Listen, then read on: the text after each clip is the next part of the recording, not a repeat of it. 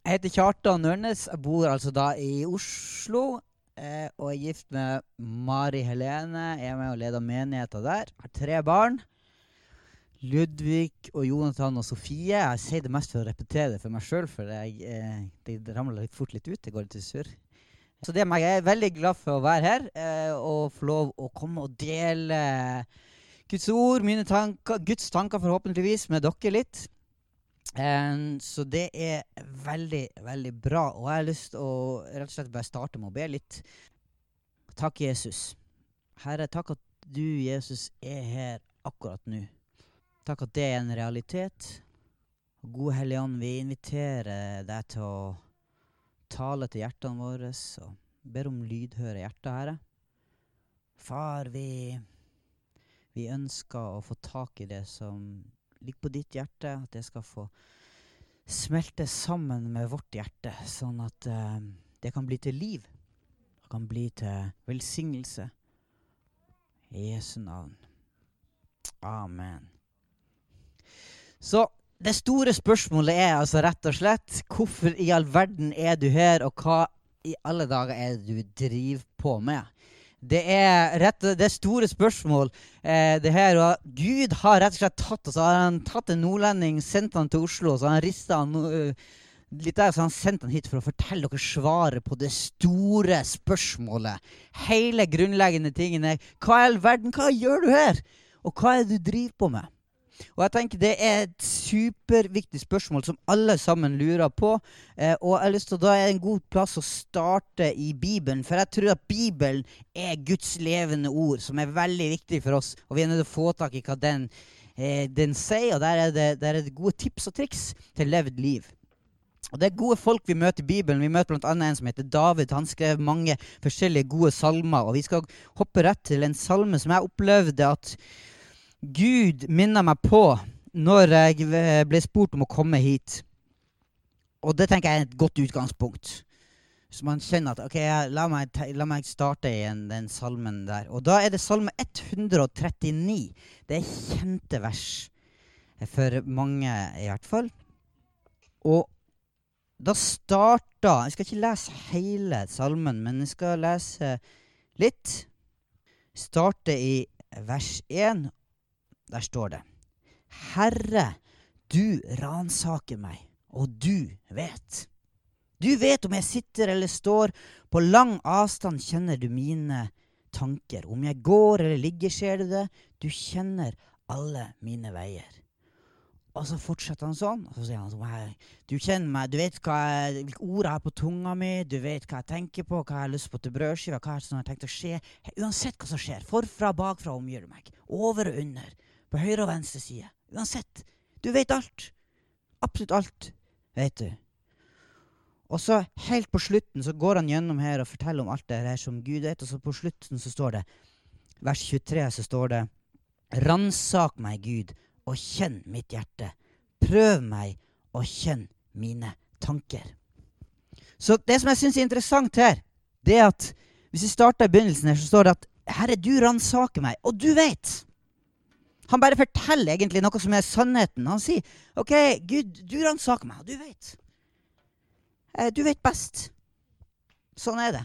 Og jeg tenker at vi, vi, vi trenger å komme der med den bevisstheten at vi, vi, kan prøve masse forskjellige ting. Når vi spør 'Hvorfor er du her, og hva driver du med?'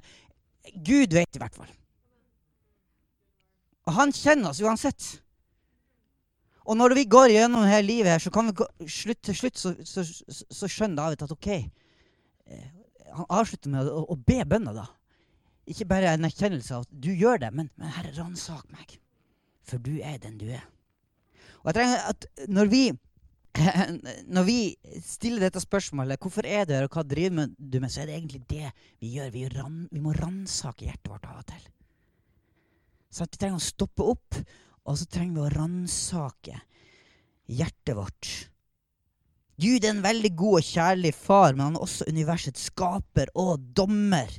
Han dømmer rettferdig, og han tåler ikke, han tåler ikke synd. Og David han visste det her, men han visste også at Guds vilje og Guds retning er alltid den beste.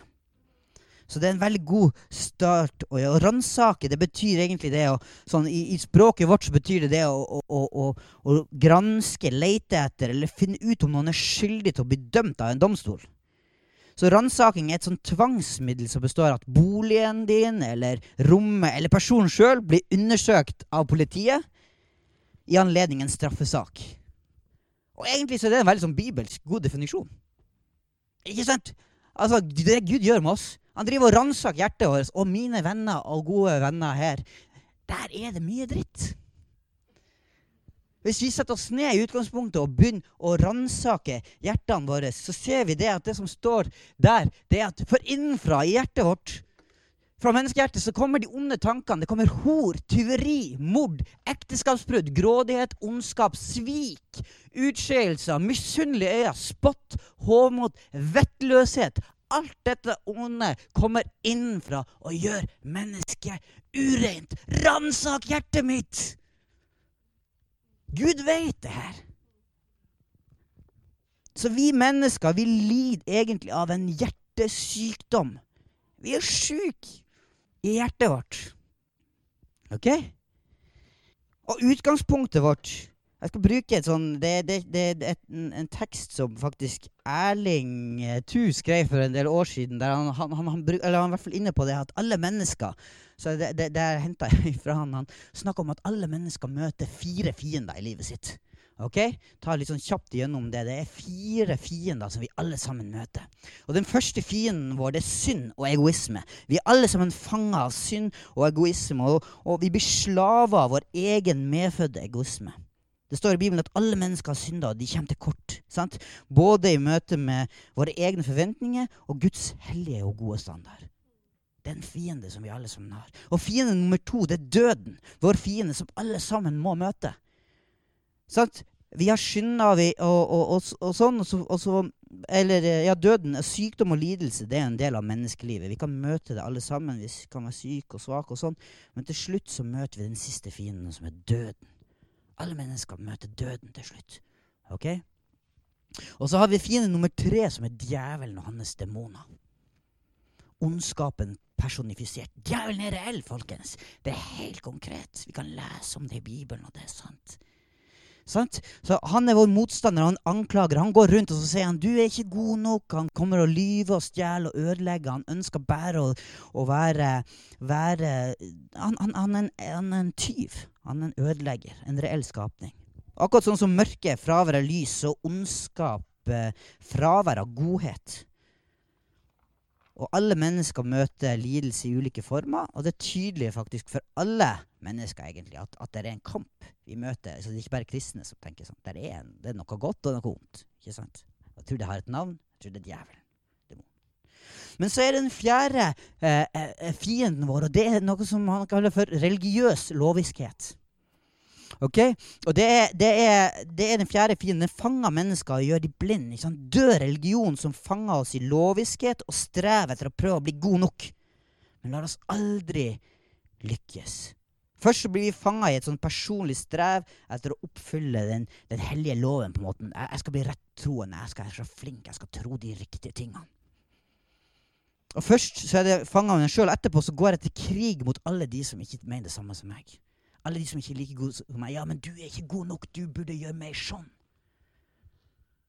Sant? Og så binder det her meg, og så blir jeg fanga og blinda av det her religiøse loviskheten. Og så blir det bud og regler på en sånn måte at jeg ser ikke hvor verdifulle menneskene egentlig rundt meg er. Og så går det videre, og denne, den, den lovtrelldommen gjør at mennesker til slutt mister menneskeverden verdet.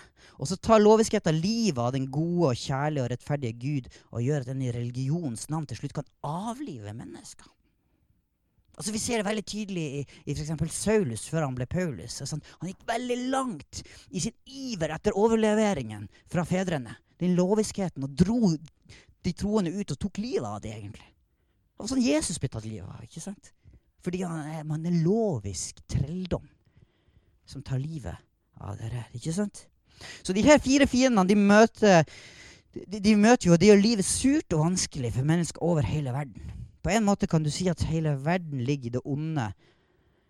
Og uh, Ja, menneskene sliter med religion, med synd, med ondskap, før de møter sin siste fiende, som er døden. Ja. Og det er på denne bakgrunnen vi kan forkynne evangeliet med veldig god, veldig stor frimodighet. Fordi at når vi ransaker både hjertet vårt eller mennesker der ute, så sier ok, det her er det veldig mye vanskelig. Men så sier Bibelen her at, at uh, bevar ditt hjerte fremfor alt du bevarer, fordi livet ditt går ut fra det. OK, så det her er et det er, Vi leste jo akkurat at, at det kom bare onde ting ifra, ifra hjertet vårt. Men, men, men eh, la oss liksom holde den tanken og så si, gå tilbake til spørsmålet hvorfor er du her, og hva i verden er det du driver på med? Du er her fordi at Gud har en god plan. Vi kjenner en god og allmektig Gud som ikke tenkte at det skulle være sånn. Han tenkte at ut fra, li, fra hjertet vårt så skal det strømme et liv, ja. Men, men, men, han tenkte at det hjertet der skulle være kobla på hans hjerte. På hans plan. For Gud han er i gjenreiselsesbransjen. Han er en Gud som tenker å gjøre alle ting ny. Som tenker å gjøre tingene godt. Han vil at denne verden her skal være god. Men det handler om mitt og ditt hjerte. Gud han arbeider innenfra og ut. Ok? Vi ser det gjennom hele Bibelen. ikke sant? At, at, at når Gud skaper himmelen og, himmelen og jorda han, han, altså, La oss skape mennesker, og la oss skape denne jorda her. Fra hans hjerte så gjør han det. Og så skaper han denne jorda her, og så, og så begynner han å jobbe innenfra og ut. Han tar, han tar jord og former mennesket, og så blåser han liv i det. Han tar ikke en eller annen sånn ok, nå tar jeg, et menneske her oppe og så plasserer jeg det ned på jorda. Nei, nei, han tar jord. Og så former han det. Og så når han har forma det første mennesket, så stikker han handa inn i ribbeina og røsker ut et ribben innenfra. Og så bygger han en kvinne og setter ved siden av. Innenfra. Sant? Og så ser vi det at når, når han, prinsippet om å så og høste og plantene som vokser opp, ikke sant? det puttes ned i jorda, så vokser det opp innenfra. Ok? Det, det, det står at, at um, at uh, hvor livet vårt kommer ifra, så er det innenifra. Ikke sant? Fra vårt indre, fra vårt hjerte kommer livet. Og, og, og dere kjenner til de versene om at sant, fra hans indre skal det strømme kilder av levende vann. Det står om at det er fra troen, fra det innerste, så spirer ting fram. Eh, dere skjønner prinsippet. Gud jobber innenifra og ut. Gud blir menneske. Gud kommer inn i magen til Maria. og så er det derfra det skjer. ikke sant? OK. Så, så, um, så det er veldig, uh, veldig viktig. Jeg synes det, her, det er en liten historie for å, for å illustrere det her. Synes det er viktig for meg. For det er jo en sånn jeg tar meg tid til det fordi det, det, har hjulpet meg i min forståelse av, av, av, hvem jeg er. For Jeg husker da jeg var liten, så var jeg ute og jogga, tro det eller ei. Eh, når jeg eh, gikk på ungdomsskolen, faktisk, og var ute og jogga på høsten i Nord-Norge. Og det var eh, bekmørkt fordi at det hadde ikke kommet snø ennå, og det var mørketid kolmørkt. Så eh, og så eh, var jeg ute og løpte, og så hadde jeg mista refleksen min. Og Måten jeg oppdaga det på, var at jeg sa refleksen ikke er der. Men så, men så ganske langt borti ned i veien så Det var en bil som kom, og så så jeg et sånn eh, at, at refleksen det, det blinka, liksom. Det lyste opp i mørket. Og så, og så var det jeg opplevde at Gud sa til meg ah, at du skal være en sånn, sånn lys i mørket sånn, som reflekterer. Og det var en veldig sånn fin opplevelse for meg. Sånn. Så det var, var god, god, god, god. Jeg liksom, trykte det til meg og tenkte yes, bra. Vi skal, vi skal reflektere Gud. Men så etter hvert så har jeg skjønt at Gud har noe helt annet for meg. Han ønsker ikke at jeg bare skal reflektere og være en papegøye eller en refleksjon. Men han ønsker å få tak i hjertet mitt. Sånn at fra mitt indre så skal det komme et lys. Et liv. Så jeg skal få lov å være en bærer av et liv som kommer innenfra. Ikke bare en refleksjon, en ytre refleksjon av hvem han er. Det kan, det kan hjelpe en et, et, et, Det kan berge liv. Refleks berger liv. Men det gir ikke videre noen ting. Det, det funker kanskje til å berge livet ditt. Men Gud har så veldig mye mer enn at vi skal bare til himmel. Vi skal til himmelen. Vi skal berges. Ikke sant? Det er veldig mye mer. Han vil flytte inn på innsida og få tak i hjertet vårt. Og sørge for at det livet som vi lever innifra, skal være med og bringe nytt liv. videre gjenreiselser. Folk blir besmitta i disse smittebærende frykttider. Så kan vi snu på det, og så kan vi tenke at det som er her, i dette glasset her, denne surdeigen her, skal være en sånn positiv greie som skal gå inn i hele deigen, i dette samfunnet, innenfra. Og så bevege og smake og heve og løfte hele Er det ikke det? Jo. Eh, er det um, Løfte hele deigen. Gi smak. Endre ting. Fordi Gud har fått tak i det som er innerst hjertet, livet, og så jobber man ut fra det. Ok, er vi med? Yes, Så vi er kalt hver eneste dag til å leve et liv ut ifra hjertet. Eller vi kommer til å leve ut fra hjertet uansett. Så hva gjør du med hjertet ditt, da? Hva gjør du med hjertet ditt? Og hjertet ditt er på en måte en, en, en, en hage. Men det er også en tronstol og en trone der kongen sitter. Og hvis ikke kongen sitter der, så sitter du der sjøl, og da går det gærent. altså. Så vi må først gi Gud hjertet vårt. Men som en hage så må vi etterpå forvalte den til Guds ære sammen med Han. Det er det som kalles for helliggjørelse. Hjertet blir gitt til Gud. Det, går, det blir hellig, det blir et nytt hjerte. Men så må det jobbes med. Helliggjøres. Og når jeg, når jeg også eh, jeg tar sats og deler et bilde som jeg var usikker på om jeg skulle dele, men jeg, men jeg, men jeg kjente det når jeg skulle hit eh, til, til, Trondheim, så var akkurat som Gud viste meg mennesker med sånne hjerter med masse som slo sånne små spirer. Akkurat sånn som Arons da, da hadde sånne spirer, sånne skudd som brøt ut. Sånne type hjerter. Her er hjerter som spirer og gror, og som er klar for å, for å, for å vokse og, og, eh, og, sånn. Her i Trondheim jeg bare, jeg har lyst å oppmuntre dere til å gå med hjertene deres. Løft blikket når du sår inn ditt eget hjerte, for det spirer noe fra Gud. Og så vil han gi vekst, og så vil han la det bryte gjennom. Så vil det bryte gjennom asfalten og det harde og det tunge, men, men, men, men kom i hjertene deres og, og, og, eh, i det dere eh, eh, gjør. Ok, for hjertet. Jeg har lyst til å snakke litt om hjertet. Og den bibelske forståelsen av hjertet. Fordi den er litt annerledes enn det som vi, eh, eh, vi kanskje er vant til å tenke om det. Altså, Det hebraiske ordet for hjertet er levav, eller noe sånt. Det er akkurat sånn det uttales, faktisk. Levav. eller noe sånt. Eh, men da var det ikke altså I Det gamle testamentet var det ikke noe tanke, det var ikke noe eget ord for hjerne. Det var bare et ord for hjerte. Det er der intellektet sitt det er, du, det, er det du tenker med. Det er senteret for, for, for, alt det vi gjør. Det er ikke et skille mellom hjerte og hjerne. Eh, men hjertet tenker du, med hjertet forstår du, med hjertet føler du smerte, sorg og frykt, men også glede. Det er der vi tar avgjørelser. Du følger hjertet ditt. Du bestemmer ting i ditt hjerte, og du tar vare på ting i ditt hjerte. Og det er ut fra dette her man kan si bevar ditt hjerte fremfor alt du bevarer, for livet springer ut fra det. Så når man snakker om hjertet, så snakker man egentlig om hele mennesket, om kropp, sjel og ånd som en sånn holistisk, helhetlig ting. Det er der det skjer. Det er ikke sånn at du bare liksom jobber herfra, men du jobber liksom ifra helheten. Det henger sammen mye, mye mer. Og det er interessant hvis du hvis du går til Esekiel eh, kapittel 3, mm, eh, så får han eh, kan bruke det til å, til å, til å um, beskrive litt av det som, som er poenget her. Mm. For ofte er det sånn at liksom, de indre organene liksom, blir brukt som et bilde hele veien på å få, få Guds ord og Guds sannheter inn i. Det, det, fungerer innenifra. Det er viktig.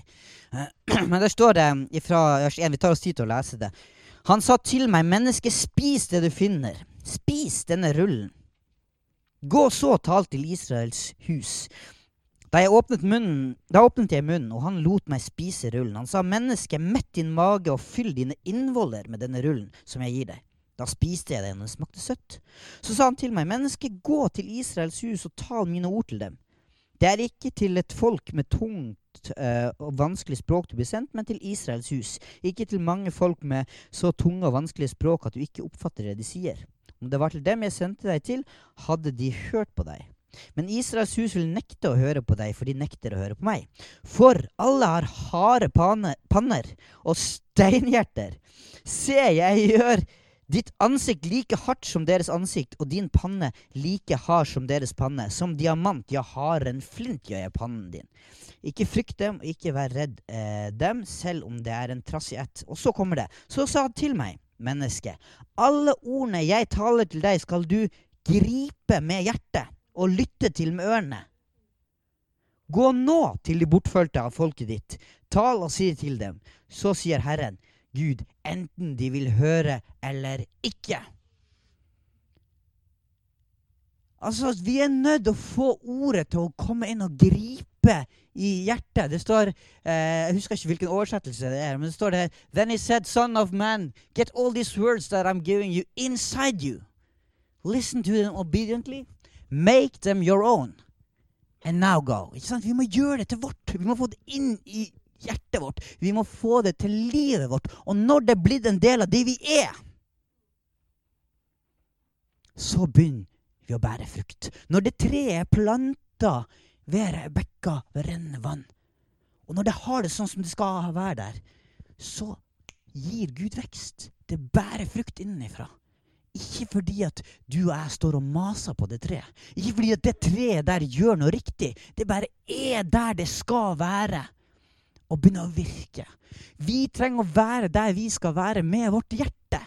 Vi må stoppe opp hver dag og si 'Herre, ransak meg, for du er den du er, og du vet best'. Ransak hjertet mitt, og la meg få leve ut et liv som ikke handler om loviskhet, men som handler om at min relasjon med Gud er den viktigste, for livet mitt skal leves uansett. Og hvem er det som sitter på tronen? Hvem er det som er i det der hjertet der? Hvilken relasjon er den viktigste? Jo, relasjonen til han guden som uansett vet hva som bor i ditt hjerte. Han vet det uansett. Så kom han villig fram til han med kroppen som et levende og hellig offer og si, 'Her er det, Gud. Ta det her. La meg leve. La meg leve ut fra dette livet her.' Amen. Når vi har forstått det som ordet sier, så blir du ikke bare en refleks eller en papegøye. Men, men, men, men, det her ordet får forvandle deg, og du blir en brennende og glødende disippel som villig taler Guds sannhet med frimodighet, tror jeg. I hvert fall kommer vi nærmere det. Så la Gud vise deg det store bildet. La ordet gripe hjertet ditt, og arbeid ut fra det. Finn motivasjon i lønnkammeret, og lev i henhold til den store visjonen. Gud vil lønne deg. Vi trenger å gi altså I Jeremia 17,9 så står det at, at hjertet er svikefullt. Men vi trenger å komme med dette hjertet til Jesus, til Gud. Og så vil han gi oss et kjøtthjerte som begynner å pumpe sammen med han. Begynner å leve ut fra det. Og Vi trenger å mate hjertet vårt med det som er god. Vi må så gode ting i vårt eget hjerte. Vi må passe på det. Vi må forvalte det.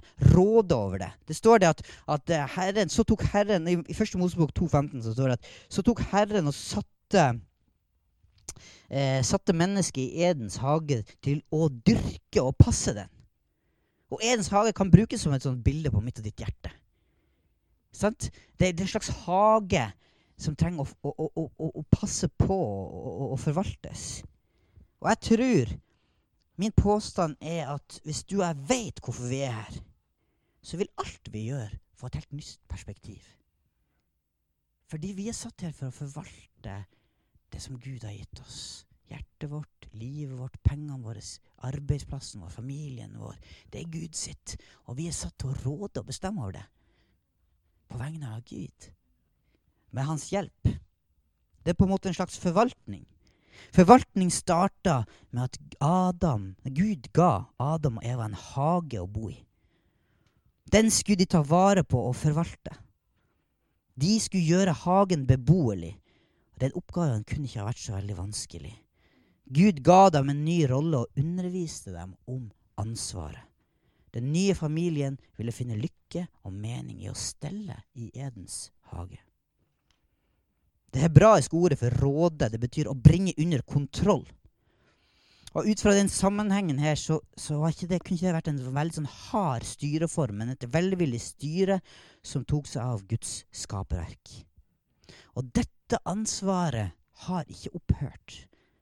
Adam og Eva skulle lære at Gud er eieren, og at de var på en måte mellomledere og forvaltere. Helt fra første stund var det Guds tanke at de skulle ha ansvarsfulle oppgaver, men ikke som eiere. Ikke som eiere. De skulle vise Gud at de var trofaste forvaltere. Adam og Eva fikk en hage for å ta hånd om den. De skulle dyrke og passe den. Antageligvis trivdes de med oppgaven. Hjerte, sinn og vilje handla i fullkommen harmoni. De ble ikke trøtte av arbeidet. Timene gikk til med nyttige gjøremål, eh, og de hadde samfunn med hverandre. Det var en behagelig jobb. Gud og Kristus besøkte dem og prata med dem. De hadde full frihet. Gud eide hjemmet deres i Edens hage. De eide det ikke, men de forvalta det for ham. Den teksten der jeg leste, det er ikke noe som jeg har kommet på helt sjøl. Men det er en tekst fra ei dame som heter Ellen White. Som var en av de som grunnleggerne for adventistsamfunnet, faktisk. Og hun opplevde veldig sånn Hun var sånn profetisk dame eh, som skrev mye av det som hun opplevde. Og hun skrev det her om forvaltning. Hennes, hva, hva, hva, hva, vi var, var satt til. Og jeg syns det var så vakkert. Fordi det sier noe om at det er Gud sitt. Men vi er satt der med et ansvar for å forvalte det. Og så, og så, og så skal vi liksom Du går og snakker med Gud. Han kommer om, om Det var det vi skapte. Han, han, kommer og, og, gir deg tips og gjør litt sånn. Og, og, eierskapet, det er hans. Og sånn er det med hjertet mitt òg. Jeg kommer til Gud og sier Gud, det er ditt hjerte. Men jeg må allikevel forvalte det. Jeg står ansvarlig for det. For Gud han vil ikke ha en robot som bare er en slave, men han vil ha noen som tar vare i tillit til han. Og så når jeg ikke forstår ting, så sier jeg Gud, ransak meg og hjelp meg. For jeg vet at du vil ha det beste, og jeg har fått noen ting her, og det skal være til deg. Og så kobler jeg meg på, og så begynner jeg å leve. Og så kobler jeg meg på andre kristne som går sammen i det her. Og så blir vi en gjeng som de andre ser, og så ser de wow, se hvor de elsker hverandre. Se hvor de elsker hverandre. Det er et liv som strømmer ut fra hjertene deres. Guds ord sier at, at Gud vil han befaler velsignelse der brødre bor fredelig sammen. Det er så vakkert. Det er et nydelig bilde. Sånn, når vi bor fredelig sammen og elsker hverandre, så kommer velsignelsen. Ok? Hvorfor er du her, og hva er det du driver på med? Er du klar over hva du driver på med? Planter du potteplanter i vinduskarmen, eller forvalter du en hage? Går du og, og, og, og børster støv i et hjørne, sånn, eller er du med å bygge en katedral? Så Menigheten i Trondheim fikk et bilde, profetisk ord om at det dere gjør her, dere skal være med å bygge en menighet som er som en katedral for Gud. Bygd sammen av levende steiner. Hvorfor er du her, og hva er det du driver på med? Jeg bare ramla innom på et møte, og jeg er her mens jeg studerer, eller et eller annet sånn. Nei, nei, nei! Gud har plassert deg her for at du skal være en del av hans plan. For at du skal forvalte det, for at du skal leve et liv og bli bygd opp av han til et levende og stort katedral. Så, så, så løft blikket og ha det perspektivet når du står opp om morgenen. Pusser tennene til Guds ære, smør matpakke, gjør det du gjør. Så lever du et liv sammen med Gud. I vissheten om at det er et større bilde, og det er hans greie som han er kobla på. Du vet, I Nord-Norge så er det sånn at, det er også et sånn fint bilde. Nord-Norge så er det jo alle glad i multer. Det er det kanskje i Trøndelag òg? Ja. Og da er det noen sånne smarte folk som har funnet ah, vi må jo gjødsle denne myra, for da får vi mer multebær. Okay? Så det er noen folk som har gått ut på og, og så har de gjødsla multemyra, og så oppå sånn, og så får, de, så får de Hva skjer? Jo, det kommer masse blomster. Og ingen bær. Men det er faktisk noen eh, smarte eh, folk som Dette blir bare fortalt. At de som har peiling, de tar en sånn spett. Dere vet hva et spett er? Sånn stor jernnål. og så går du og så, så gjør du sånn. For du vet at langt nedi der er det røttene sitt. Og så putter du gjødsel nedi de hullene. Flere sånne hull. Og så går det ett, to, kanskje tre år. Og så kommer det masse multebær i den myra. Og det er liksom det jeg tenker Av og til så trenger vi jo å ta oss tid til å ikke bare liksom drive på med denne smågreia smågreia på toppen, men vi må gå ned til røttene. Vi må komme til inn til kjerna i livet vårt. Jeg mener Vi må ikke hoppe over den første regnestykket i, i, i ligninga, for du får sånn følgefeil. Vi må få det grunnleggende på plass. Og det er hjertet vårt det handler om. Det er hjertet vårt det handler om hele veien i det vi gjør. Du skal høste det du sår. Ransak hjertet mitt. Ok, Vi er kalt til å høste og så også i ditt eget hjerte. Far ikke vil. Gud lar seg ikke spotte. Det et menneske sår, skal det også høste. Den som sår i sitt eget kjøtt, høster fordervelse av kjøttet, men den som sår i ånden, høster evig liv av ånden. La oss ikke bli trette mens vi gjør det gode. Når tiden er inne, skal vi høste, bare vi ikke gir opp. Så la oss gjøre godt mot alle så lenge det er tid, og mest på den som er vår familie i troen. Amen. Salig er den som ikke følger lovløses råd, og ikke går på synderes vei, og ikke sitter i spotteres sete, men har sin glede i Herrens lov og grunner på Hans lov dag og natt. Han er lik et tre plantet ved rennende vann. Det gir frukt når vi ønsker det mest, nei, i rett tid og løv visner ikke på det. Alt han gjør, skal lykkes. Ok? Så vi trenger å så inn de rette tingene i vårt eget liv. Men, men, men hallo, stopp litt. Jeg, jeg, jeg må høste i mitt eget liv. Det er jo andre enn meg sjøl her. Det er jo andre folk som har sådd en del ting inni hjertet mitt. Jeg vasser jo i, i ugress som andre mennesker har sådd kamerater, foreldre, fotballtrenere, lærere. ikke sant? Putta ting inn i deg og meg. Kristne ledere har sagt ting og gjort ting, sådd ting inn i hjertet mitt som ikke er bra. Hva med det, da? Ransak hjertet mitt, Gud. Det er ting som ikke er helt sånn som det skulle være. Det er, jeg vet ikke helt. Jeg tror at Gud har kalt oss til å tilgi. Jeg å si bare litt om det også, altså. I hjertet vårt. For det er ikke så lett det her. Bare komme til Gud med hjertet, så er det noe. Men vi trenger å jobbe med tilgivelse. Vi trenger hverandre. Vi trenger å komme til Gud og be om tilgivelse for de tingene vi har gjort, og for å tilgi mennesker som vi omgås. Og hvis ikke, så står vi i fare for å bli bitter. Bitterhet er utrolig vanskelig. Bitterhet er som å drikke dødelig gift i håp om at noen andre som skal dø av det. Du driver og drikker sånn gift, og så tenker jeg jeg skulle ønske at det var han og Hoper døde av det her. Men det som skjer, er du tar bare livet av deg sjøl. Og den går rett i hjertet.